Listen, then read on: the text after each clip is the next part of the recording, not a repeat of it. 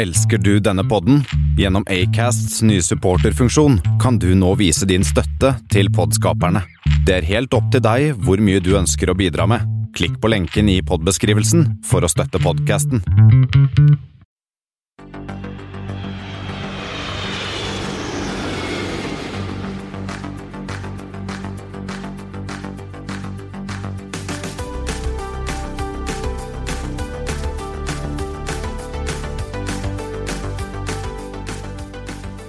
Hei og velkommen til Flight 30, som spilles inn den 4. september 2018.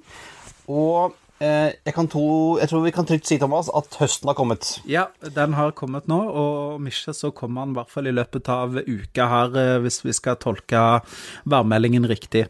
Ja, og der hadde vi da Thomas eh, Lone, og jeg heter Christian Kamhaug. Og i denne gangen skal vi innom et nordisk flyselskap som gjør det skikkelig dårlig. Og det skikkelig bra, og så skal vi snakke litt om hva som skjer i europeiske regionalselskaper igjen. Og eh, vi har Air Belgium-nyheter, og jeg har vært på OSL en tur og snakket med noen spente etiopere om den nye fraktruta som kommer i slutten av denne måneden. Det har du, Christian, og det får vi høre. Det blir dagens tema. Eh, men eh, nå er det jo høstsesong, Christian, og vi har jo nå i sommer så har det jo vært litt sånn ja, det har jo bare vært meg og deg. Folk har hatt sommerferie. Det har ikke vært så lett å få tak i folk til å være i intervju og sånn. Eh, men eh, skal vi si et par korte stikkord om hva vi, hva vi har litt i pipen? Tise litt eh, om høstprogrammet vårt? Kile litt på pungen, som de sier i Radioresepsjonen. Yes. Jo, vi har altså litt av hvert planet utover. Vi skal snakke med en SAS-pørser som jeg har fløyet med, faktisk. Om flyskrekk om et par uker. Ja, og så skal vi snakke om hvordan, hvordan flygeledertjenester virker. Vi skal snakke med Ja, vi skal også finne ut litt ikke bare om flygeledertjenester, men vi skal også høre om flyparkering, blant annet, hvordan det fungerer. Ja da, så vi har mye spennende utover. Vi har kommet til flight 30, og det er jo ja, Utrolig at vi har kommet så langt, Thomas, men det er altså mange flere flighter igjen som det skal skje spennende ting i. Absolutt. Vi har jo runda godt over et halvt år, og vi skal holde på mye lenger. Dette er jo veldig gøy.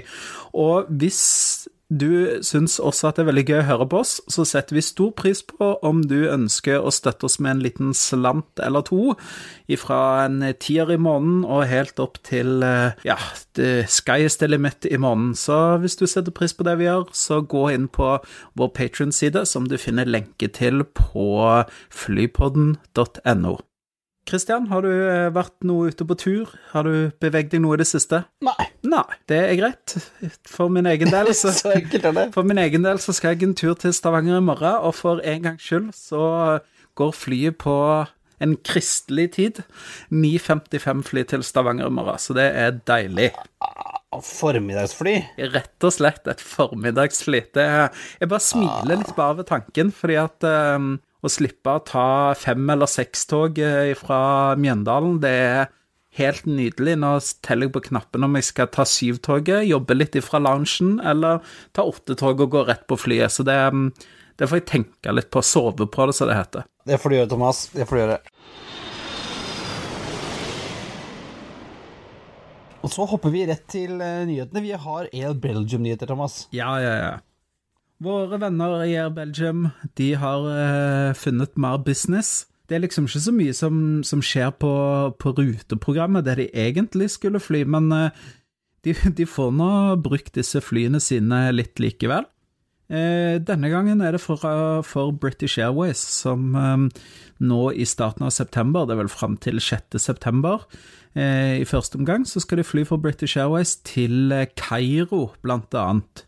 Eh, normalt sett så har eh, flyvningene mellom London og Kairo blitt operert av Dreamlinere, men som Norwegian og andre som eh, flyr Dreamlinere vet, så motorene er ikke helt holdbare, så rett og slett British Airways har en del fly som står på bakken, og det er en annen støt, en annen sprød, så da hanker de ned Belgium da, til å fly noen rundturer mellom, mellom London og Kairo. Ja, det er godt, godt for belgierne å få litt penger i kassa, for det er jo sånn som vi har snakket om før, Thomas, i sommer, at uh, har du hatt uh, flyet klare for wetlease, så er det bare å som henger ut skiltet, så kommer det business. For det har jo vært stort behov for det i sommer, særlig med alle streamlinerne som ikke har gått. Det er sant, altså. um, Det har jo vært eh, litt sånn wetlease-bonanza i sommer, så um, når vi ser 2017-tallene, så kan jeg tippe at eh, det er en del Wetley-selskaper som gnir seg i hendene og sier det har vært et godt år.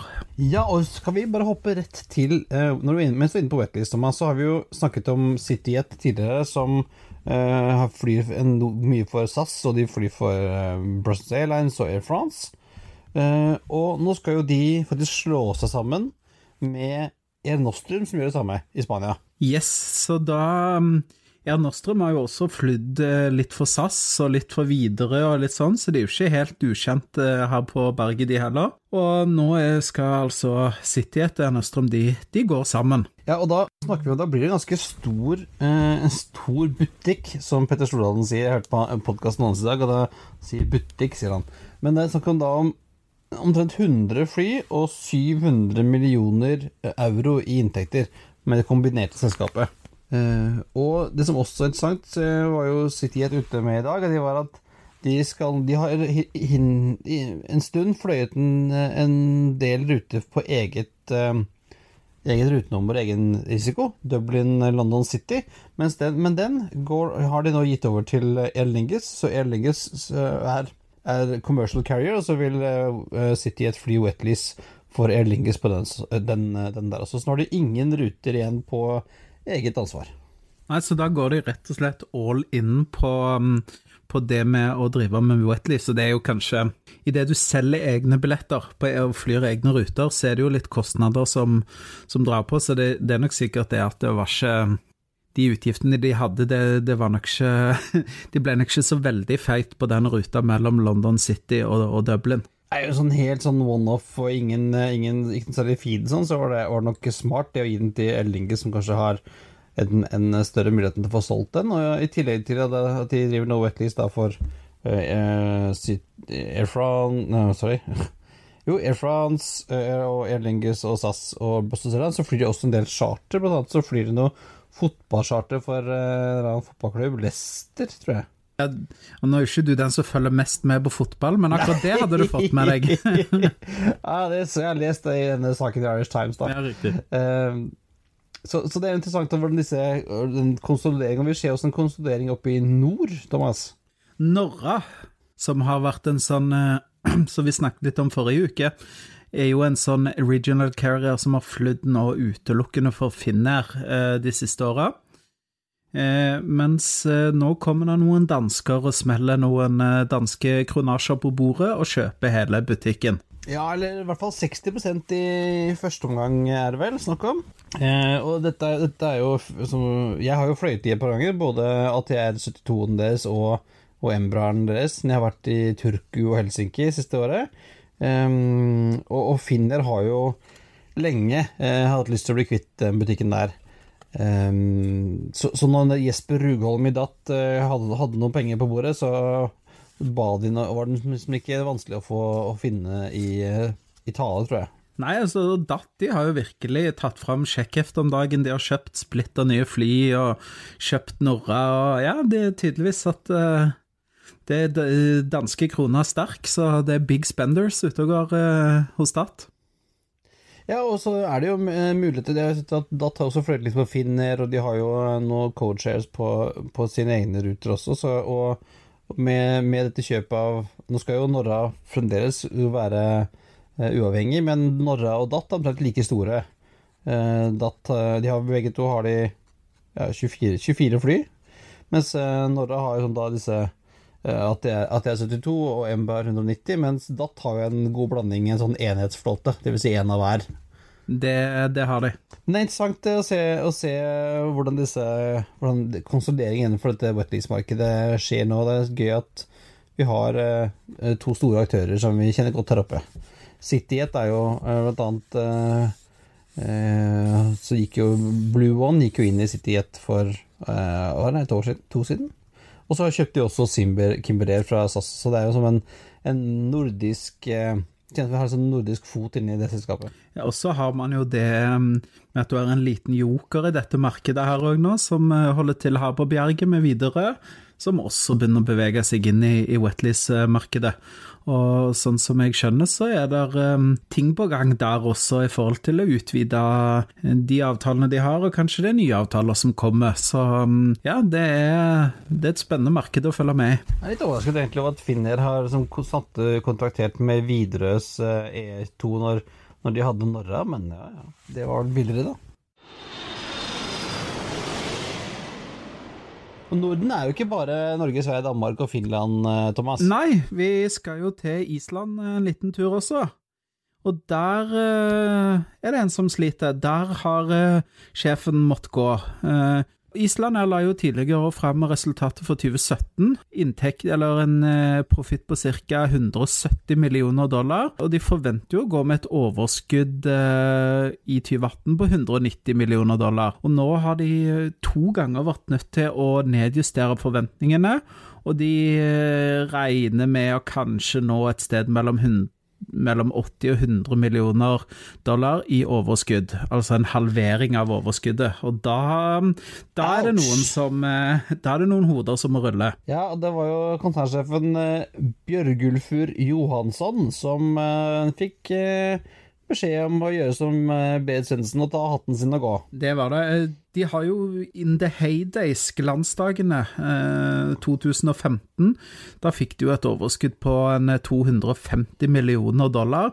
Så har det bare gått nedover for islendingene. Og det har jo vært en del ting som eh, ikke har gått helt Islanders vei. De hadde jo på en måte monopol på å være eh, Europas svar på Emirates og, og Qatar.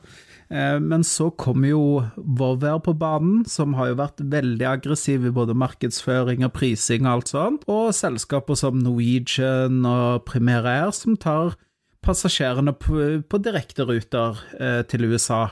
Så de, de slåss en, en krig på, på, mange fronter, Iceland Air. Så um, det, det, ser, det, ser, stygt ut på sikt hvis de ikke klarer å snu denne skuta. Altså, de går jo fortsatt med overskudd, men eh, det har eh, hatt en eh, nedadgående trend siden 2015. Ja, så har det jo de siste årene bare ekspandert noe helt enormt med ruter til USA. Hør nå.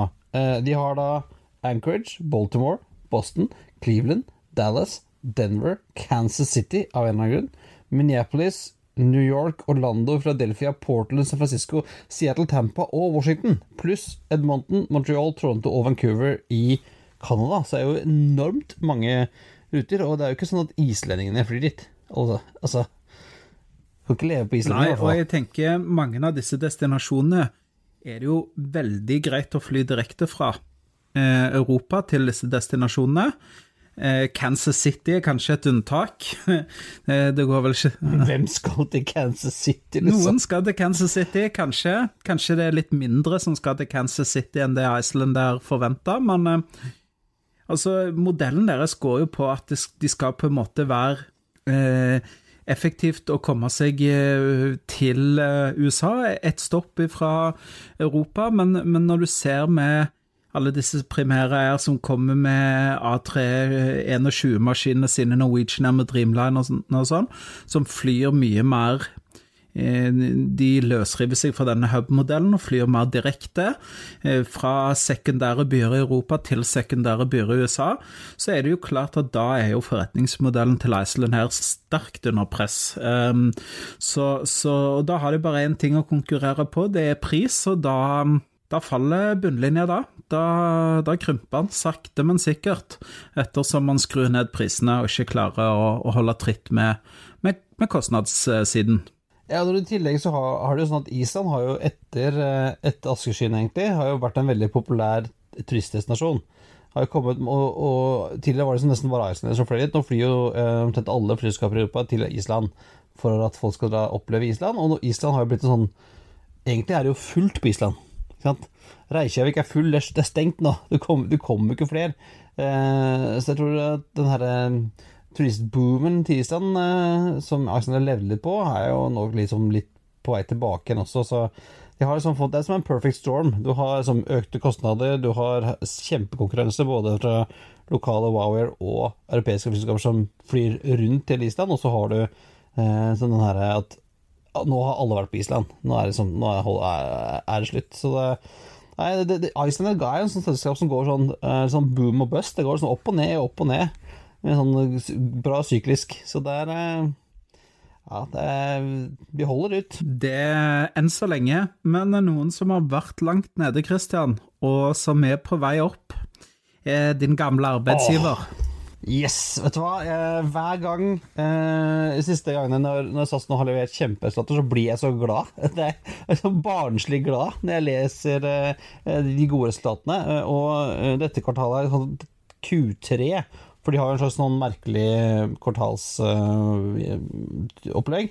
Uh, er jo sånn, eh, det beste resultatet, kvartalsresultatet noensinne. To milliarder i pluss. Hvem skulle trodd det i 2012, Thomas?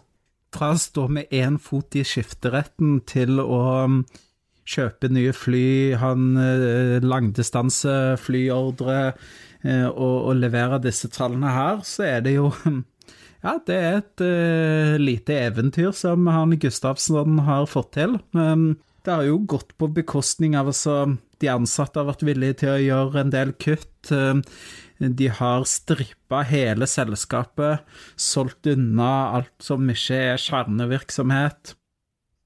Så de har jo vært igjennom utrolig mange og lange kuttrunder som har vært vonde både for ansatte og for ja, noen kunder som føler at SAS ikke er det de var en gang var, osv., osv.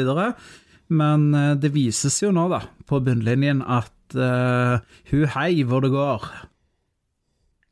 Ja, altså, vi, jeg, jeg, har kikket litt på, på den kvartalsrapporten. Vi skal selvfølgelig legge ut den også på flypodden.no.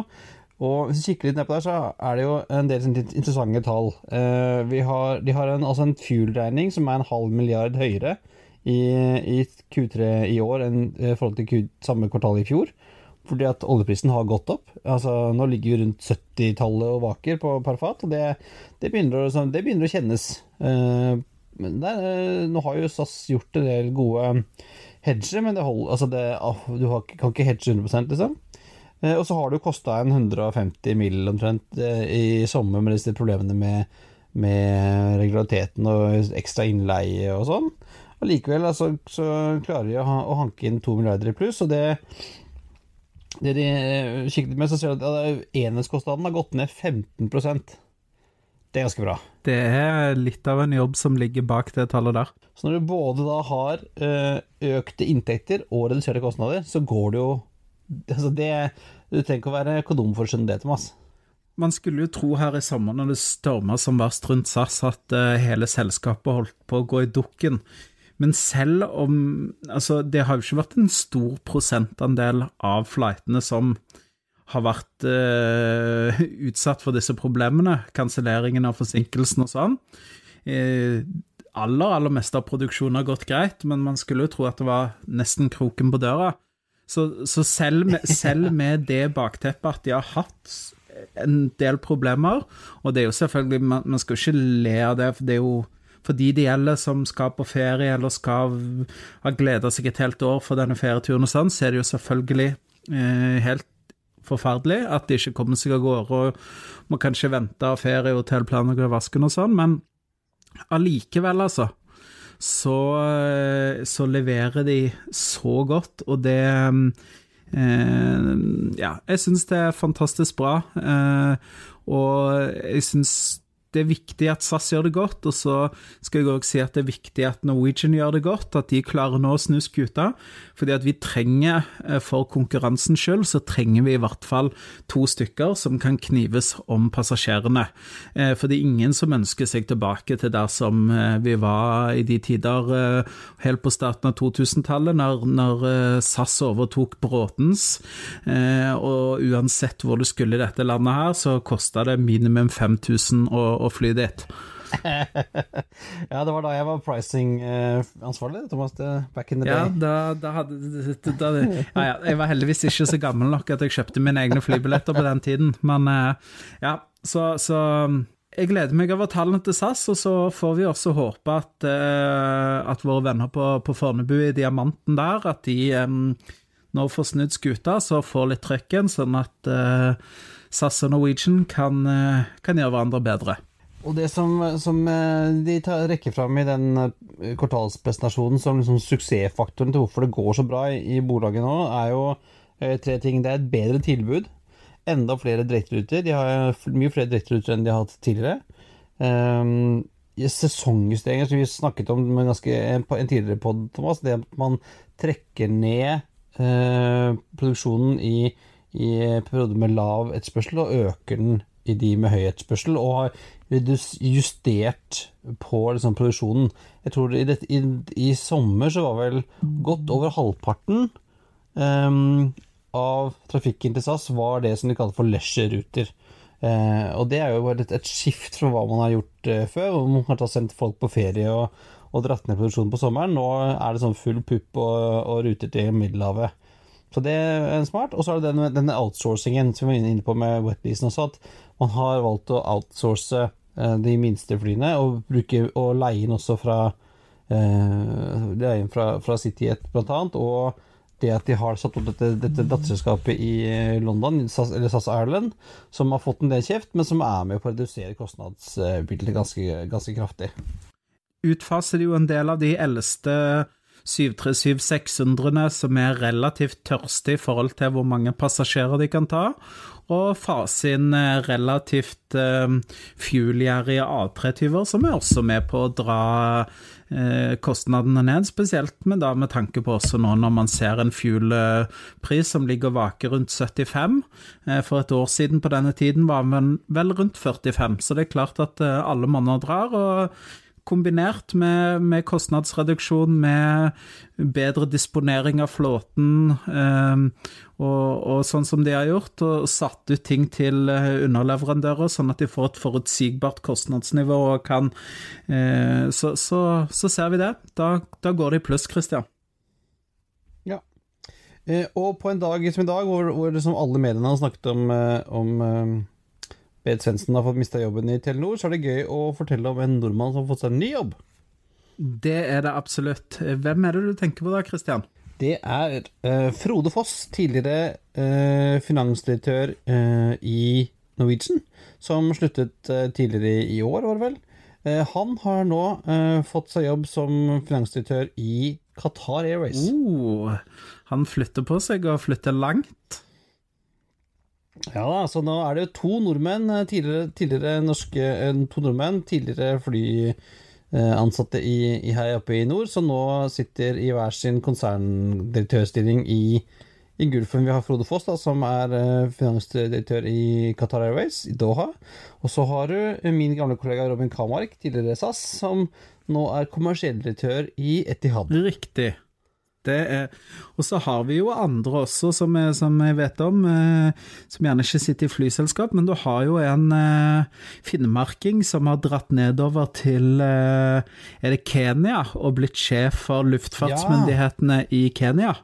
Så eh, nordmenn eh, i flybransjen, de, de tar på seg toppjobber ute i den store verden. Ja, bortsett fra i SAS-konsernledelsen, hvor det bare er én Ja. mann. Det, da fikk vi sagt det, altså.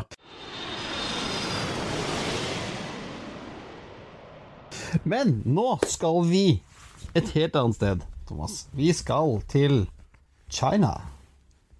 Oh yes, endelig.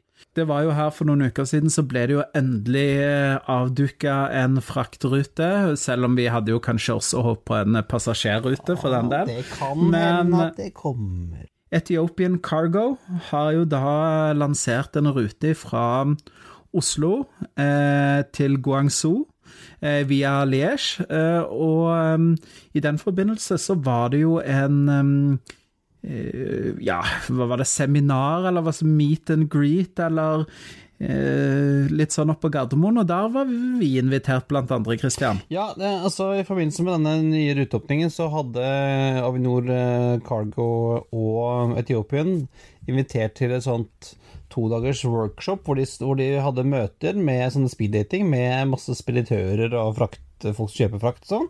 Og så fikk jeg til å komme opp og, og ta en liten prat eh, med dem der oppe. Nå skal vi høre på det, det innslaget. Det, altså, jeg er litt dårlig i etiopisk, det må jeg innrømme. Eh, og det er bare vel introduksjonen av eh, våre to intervjuobjekter fra Etiopien litt preg av, Christian. Ja, altså, de to eh, herrene som jeg møtte, kjempehyggelige hyggelige menn fra Etiopien. Altså, han ene heter Habtamu Gebregsaber. Han er, han er manager cargo sales for Europa og Americas. Og så har du uh, Musi Fittehamlak. Nå klarte jeg det litt bedre. Han er area manager for Norge, og han har vært her uh, et års tid. Uh, Så han er basert her i Norge, mens Habetamu han kom inn for dette. Også I tillegg så har vi også med en, den siste stemmen som du hører på dette oppslag, opptaket, er Martin Langås, som vi har snakket med før, som er sjef for trafikkutvikling frakt i Avinor. Da hører vi på det. Da sitter jeg altså her på Gardermoen på fly... Hva heter det nå? Flyporten. Flyporten. Eh, sammen med Friendlepod eh, Martin Langås og to eh, etiopere. Eh, Habtamu Gebregsiaber. Ja, tommel opp. Og Musi Fit... Fittehamlak. Yes. Yeah, I'm just gonna call you Habtu and Musi Yeah. for short because this uh, my Ethiopian is not really good. but we're here today because uh, you finally were getting a route to China, Martin. Yes. But not the one we not one we, we expected. I did not see this one coming. Oslo to Guangzhou with Ethiopian cargo, was it? Yes. So you're starting now in September, right? Yeah. Uh, the tentative plan is uh, we're going to start the first inaugural flight uh, end of September. And then it's uh, how many times a week? Yeah, uh, well, the start will be once uh, once in a week. And then you, and then your job, Martin, is uh, to sell. So you put so much fish on that flight, then it's going to be more than once a week, right? Exactly. You told me you were surprised to hear that Ethiopian was starting this route, but uh, we were not. We were working with Ethiopian for almost uh, yeah one and a half, two years now about this route. So uh, we saw the opportunity a long time ago, and uh, we had to wait for the Chinese market to open up uh, and to mature. And uh, we believe the timing is right now for for for a carrier to start flying from Oslo to China, especially in Guangzhou in particular, because the volumes is already there, and in the future, if the predictions is right, it's going to be huge. And you, uh, my listeners will, of course, uh, they're interested in what, kind of aircraft are you using and what's the route like? Because you, I'm not, I'm, I, I don't guess you're going to be basing one plane here and flying from Oslo to Guangzhou. There's, it's got to come from someplace. Uh, yes, uh, just to say a little uh, bit about our uh, plan and also our current profile, which leads to the demand to fly from Oslo to Guangzhou. Uh, our airline is the biggest uh, air aviation group in Africa, and our expansion is growing very fast, and uh, we see uh, big opportunities everywhere in the world, and we want to fit into those demands so that we can uh, benefit our airline and also contribute uh, socio-economic growth of every country we are flying to. So uh, our uh, current fleet, of air fleet, uh, cargo air fleets are six triple sevens, fully operate uh, serviceable and service the Ethiopian network. And uh, we're going to have one more tomorrow, and uh, in the near future, the fleet size will increase uh, very fast, which uh, Mr. Haptam will uh, say something about it. But coming back to Oslo, Guangzhou, our plan is in a, we have been serving the Norway market with our uh, five weekly flight from Oslo to Africa, and we have uh, also deployed uh, four up to eight tons of uh, belly capacity to the market, and uh, with the help of our partner Avinor, we have been working very closely to to see the opportunity of uh, more demand from Norway to China. So currently, our plan is to deploy one triple seven to fly uh, from Oslo to Guangzhou via Liège, and uh, this aircraft is uh, the pattern or the uh, pattern of the flight will start from Lagos to Oslo, then we load uh, the, the the Norwegian tasty salmon Mostly, mostly fish then to China, right? yeah, Yeah. We, we expect uh, a big portion of uh, the capacity will be used for fish, but we also expect we are ready to work on the cargo mix to include general cargo. So yeah, yeah. But uh, coming coming from Lagos to Oslo, what kind of, of cargo would you have there? That is, what are you going to put on that plane? Is it going to be a ferry flight, or do you actually see some some market for cargo from Nigeria to Oslo? yeah, I think Legamu says something on this. On the route, you know, we have uh, full flight from Addis Ababa uh, to Lagos, uh, full triple seven. Then from Lagos to to Oslo, we will ferry. But uh, from Oslo, we, we believe we will have enough load to uh, Guangzhou village. So it is will be ferry from Lagos to uh, Oslo. Unless you find something something interesting to fly from, from Nigeria, then of course. Something that's, that's legal, Martin. Normally, uh, uh, I I lived in Nigeria for two years. Uh, their economy is highly dependent on import, uh, uh, but uh, the current government, uh, Buhari's government, ha- has been trying to diversify the economy to also grow the agricultural sector, but until now they have not been succeeded. But we'll hope the the potential of the country is very huge. And uh, and looking at your, I've, I've been looking at your um, your route map, the cargo route map, and it's crisscrossing all over the all over the world. You're flying. You said maybe ten triple sevens next year. Yes. Uh, so it's so cargo is going to be a pretty large part of Ethiopian Airlines total revenues. Of course, yeah, yeah, it will be, it will be uh, the large part. Still, here, uh, you know, cargo is the major part of the group. We have uh, seven uh, units of the airline, and one of the uh, unit is cargo, uh, and uh, it covers, uh, you know, uh, the highest revenue generating unit in the group. So it will increase the, the, the contribution for the group will be increased from the cargo side. This is uh, for sure. Yeah. And like you said, Musi, there's also um, belly cargo on the on the flight that you already operate. Yes. Yeah, we have uh, Bailey cargo. We currently we are transporting uh, different mix of cargo from uh, general cargo of uh, oil and gas spare parts and so on uh, to salmon fish to some African destinations, including uh, Addis Ababa. So I guess this this long-standing relationship that you have with Avinor and and uh, the people here, and, and looking at you your successful route already uh, on the passenger side has been one of the contributing factors to you going into this new market for you then to fly cargo from here to China. Uh, yeah, sure.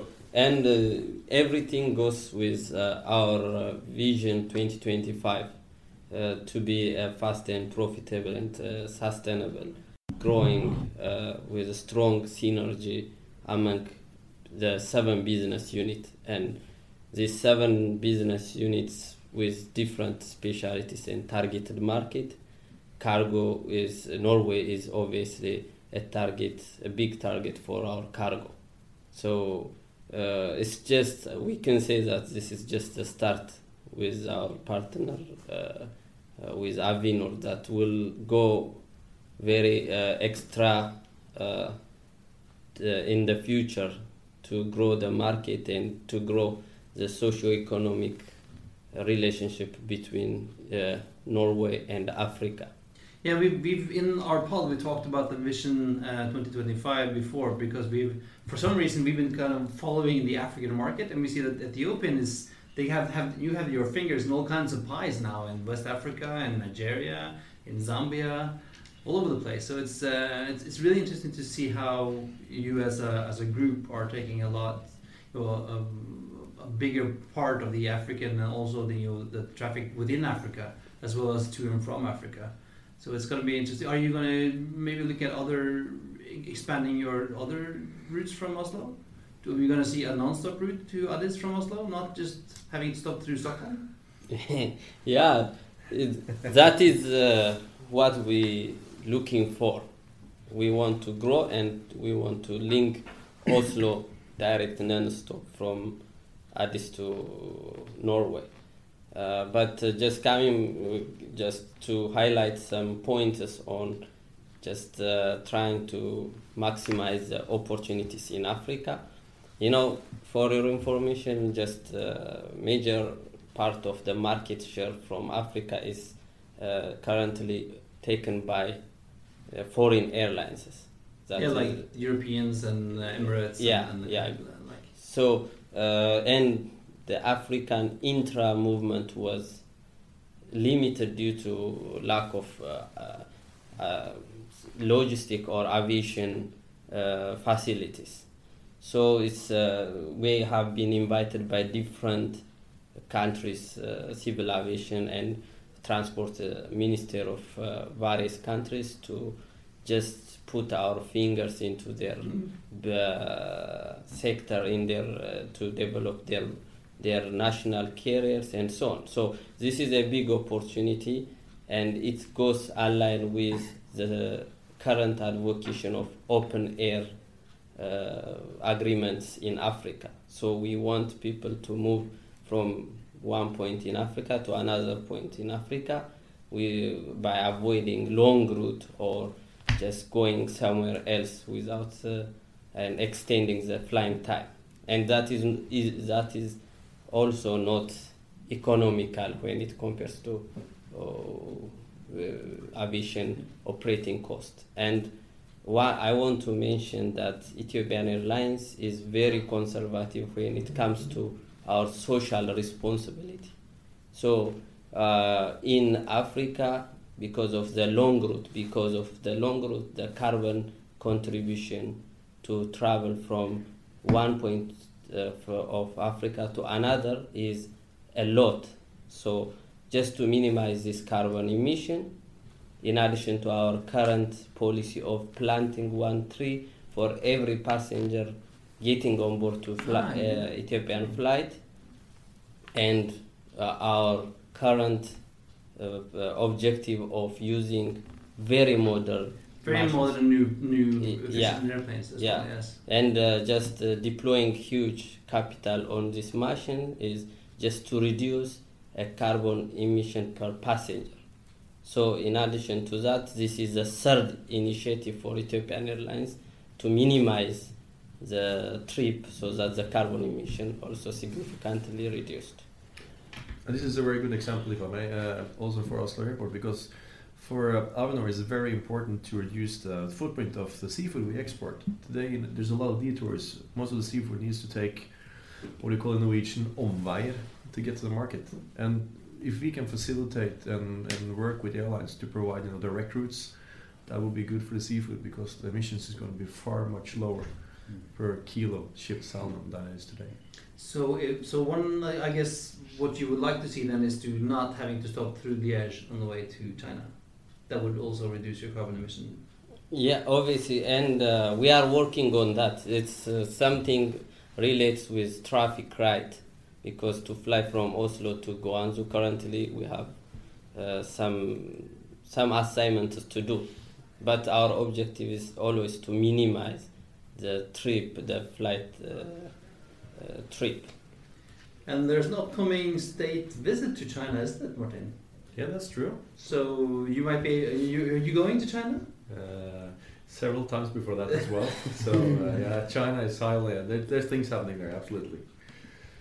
So, well, thank you, uh, Havtamu and Musi and Martin, uh, for inviting FreePodden to uh, talk to you about this uh, new exciting opportunity at Oslo Airport. And we're looking forward to see the, the Korean, no, sorry, ah, looking forward to see the Ethiopian cargo 777 here in the end of the month. We're talking the 27th, was it? Yes. and hopefully we'll see it more than once a week then. Yeah. In the Yeah, future. we hope so. Thank you very much. Thank, Thank you. you.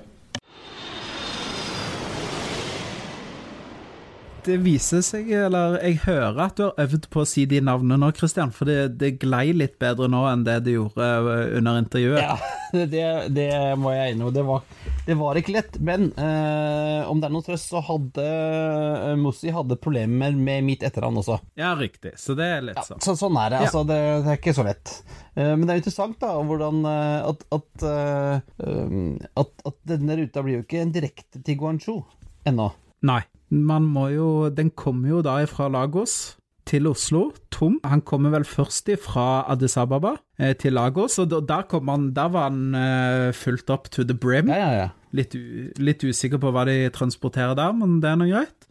Eh, og så går han da tom fra Lagos opp hit, og så blir han da fulgt med laks og kanskje noe andre general cargo som de snakket om. Og så er det en tur via Liège, og så er det til Guangzhou.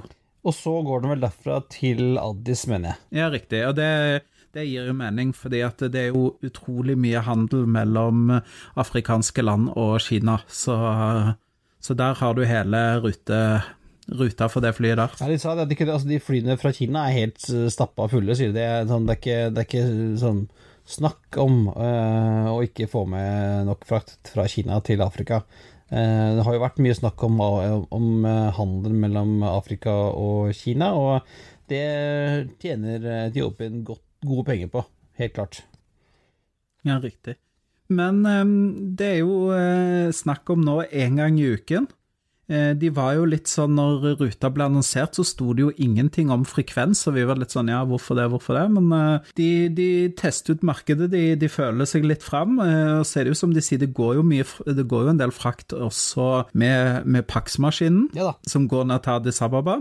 Jeg, jeg vil tippe at vi ser nok ganske fort en økning i, i frekvens hvis, eh, hvis dis, denne frakteren blir utsolgt, holdt jeg på å si. Da, da er det ganske lettjente penger da å øke til to og kanskje tre ganger i uken. Ja da, de hadde eh, Martin fortalte at de hadde hatt veldig mange gode møter med veldig mange speditører og, og innkjøpere av frakttjenester der oppe i de to dagene. Så han hadde veldig eh, tro på at det her kom til å bli mer.